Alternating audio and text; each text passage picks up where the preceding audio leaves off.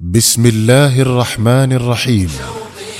شوقي للقياهم يزيد ولحبهم هتف القصر يا جيل أتباع الهدى أشرق علينا من جديد شوقي يسر جمعية مودة أن تقدم لكم صورا من حياة الصحابة لعبد الرحمن رأفت الباشا. رحمه الله. سهيل بن عمرو رضي الله عنه. هم قادة الدنيا فمن قادوا ولا عرفوا المحيط. هم أسوة الإنسان في الأقوال والفعل السديد. لا ليس نرضى أن ينادوا من قريب أو بعيد. سهيل بن عمرو سيد من سادات قريش المرموقين وخطيب من خطباء العرب المفوهين وواحد من أهل الحل والعقد الذين لا يقطع دونهم أمر. كان سهيل حين صدع الرسول الكريم صلى الله عليه وسلم بدعوة الحق قد اكتمل واكتهل. وقد كان جديرا بعقله الراجح ونظره الثاقب أن يجعلاه أول من يستجيب لدعوة نبي الهدى والرحمة. ولكن سهيلا لم يعرض عن الإسلام فحسب.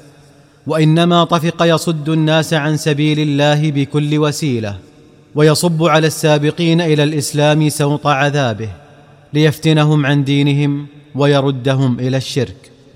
لكن سهيل بن عمرو ما لبث أن فوجئ بخبر وقع عليه وقع الصاعقة وذلك حين نمي إليه أن ابنه عبد الله وابنته أم كلثوم قد تبعا محمدا. وفرا بدينهما إلى أرض الحبشة تخلصا من أذاه وأذى قريش.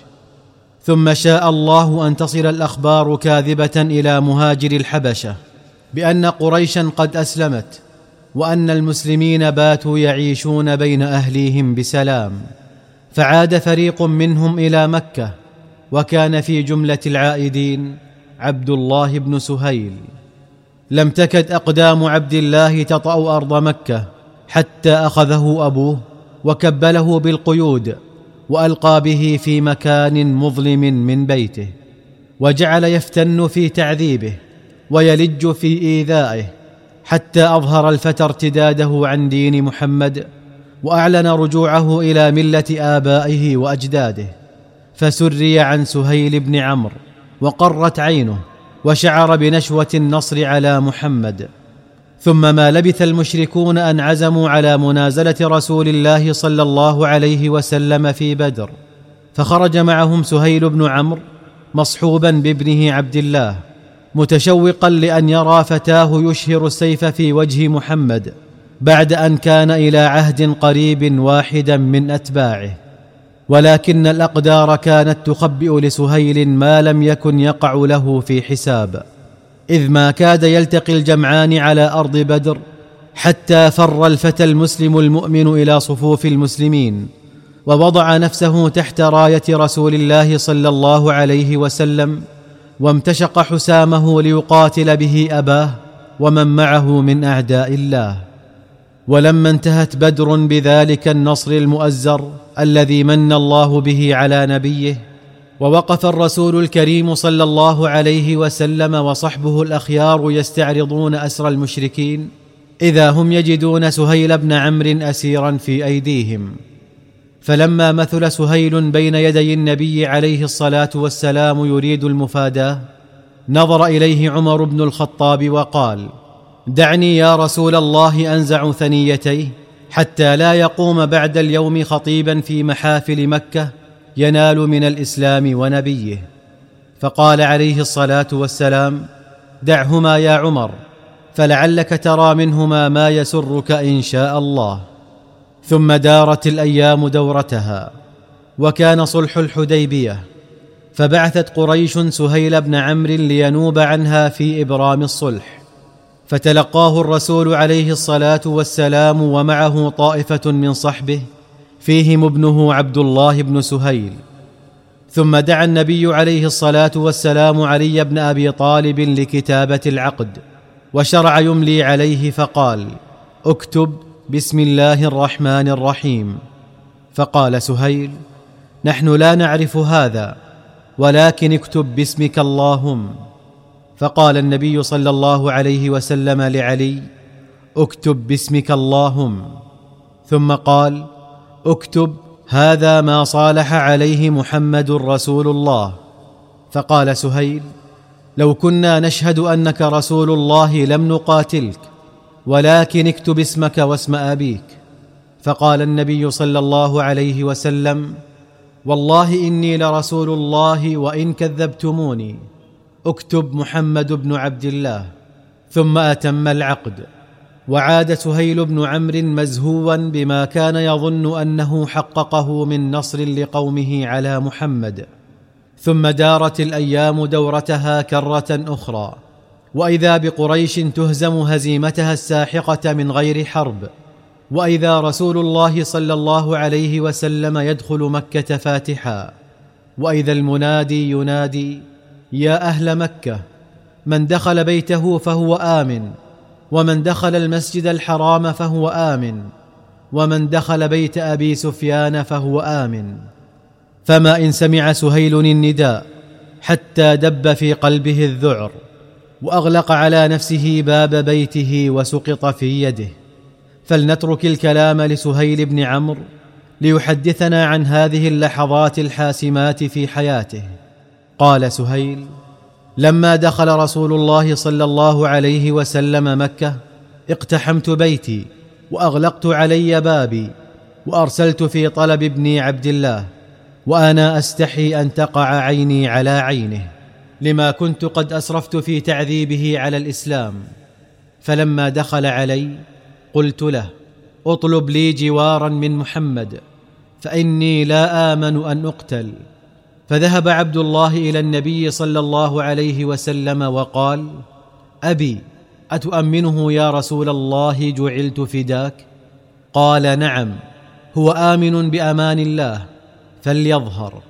ثم التفت إلى أصحابه وقال من لقي منكم سهيلا فلا يسئ لقاءه فلعمري إن سهيلا له عقل وشرف وما مثل سهيل يجهل الإسلام؟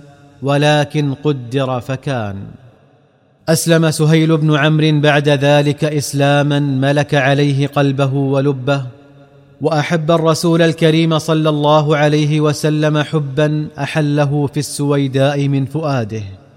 قال الصديق رضوان الله عليه لقد نظرت إلى سهيل بن عمرو في حجة الوداع قائما بين يدي رسول الله صلى الله عليه وسلم وهو يقدم له البدن. ورسول الله صلى الله عليه وسلم ينحرها بيده الكريمة. ثم دعا النبي صلى الله عليه وسلم الحلاق فحلق رأسه. فنظرت إلى سهيل وهو يلتقط الشعرة من شعر النبي صلى الله عليه وسلم ويضعها على عينيه. فتذكرت يوم الحديبية وكيف أبى أن يكتب محمد رسول الله فحمدت الله على أن هداه. عكف سهيل منذ أسلم على ما يقربه من الله وينفعه في أخراه. فلم يكن بين من أسلموا بعد الفتح من هو أكثر منه صلاة ولا صوما ولا صدقة ولا رقة قلب ولا كثرة بكاء من خشية الله. ثم إنه جعل كل يوم يمضي إلى معاذ بن جبل حتى يقرئه شيئا من القرآن. فقال له ضرار بن الخطاب يا أبا زيد إنك تأتي هذا الخزرجي ليقرئك القرآن. أفلا جئت إلى رجل من قومك من قريش؟ فقال يا ضرار إن هذا الذي تقوله أثر من آثار الجاهلية وهو الذي صنع بنا ما صنع حتى سبقنا إلى كل خير. وإن الإسلام أذهب عنا عصبية الجاهلية ورفع أقواما لم يكن لهم ذكر. ليتنا كنا معهم فتقدمنا كما تقدموا. وقد ظل سهيل بن عمرو يشعر بفضل السابقين إلى الإسلام عليه وعلى أمثاله ويدرك ما بينه وبينهم من فرق. فقد حضر ذات يوم إلى باب عمر بن الخطاب هو والحارث بن هشام وأبو سفيان بن حرب وحضر معهم عمار بن ياسر وصهيب الرومي. ورجال من الموالي من أصحاب السابقة. فخرج آذن عمر وقال ليدخل عمار ليدخل صهيب. فجعل القوم من قريش ينظر بعضهم إلى بعض مغضبين. ثم قال قائلهم لم نر كيومنا هذا قط. يأذن عمر لهؤلاء ونحن على بابه لا يلتفت إلينا؟ فقال سهيل إن كنتم غضابا فاغضبوا على أنفسكم. دعي القوم ودعينا فأسرعوا وأبطأنا. فكيف بنا إذا دعوا يوم القيامة إلى الجنة وتركنا؟ أما والله إنما سبقوكم إليه من الفضل مما لا ترونه أعظم من هذا الباب الذي تتنافسون عليه. ثم قال إن هؤلاء سبقوكم إلى ما سبقوكم إليه. ولا سبيل لكم والله إلى استدراك ما فات إلا بالجهاد والاستشهاد. ثم نفض ثوبه وقام.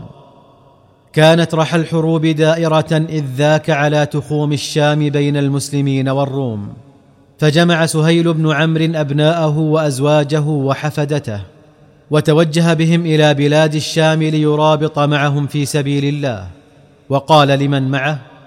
والله لا أدع موقفا وقفته مع المشركين إلا وقفت مع المسلمين مثله ولا نفقة أنفقتها مع المشركين إلا أنفقت مثلها. ووالله لأبقين مرابطا في سبيل الله حتى أقتل شهيدا أو أموت غريبا عن مكة. بر سهيل بن عمرو بقسمه فشهد مع المسلمين اليرموك وأبلى فيها بلاء المؤمنين الصادقين. ثم ما زال ينتقل من معركة إلى أخرى حتى حل بديار الشام طاعون عمواس فمات فيه سهيل وكل من معه من أولاده وذويه. رضي الله عن سهيل بن عمرو وكتبه مع النبيين والشهداء وحسن أولئك رفيقا. من لقي منكم سهيلا فلا يسئ لقاءه. فلعمري إن سهيلا له عقل وشرف وما مثل سهيل يجهل الإسلام. محمد رسول الله. بمحمد وبصحبه قد أسس الصرح المشيد يا شعر أسعفني أفض في مدحهم هل من مزيد. سلة الإيمان والتقوى أولو الأمر الرشيد.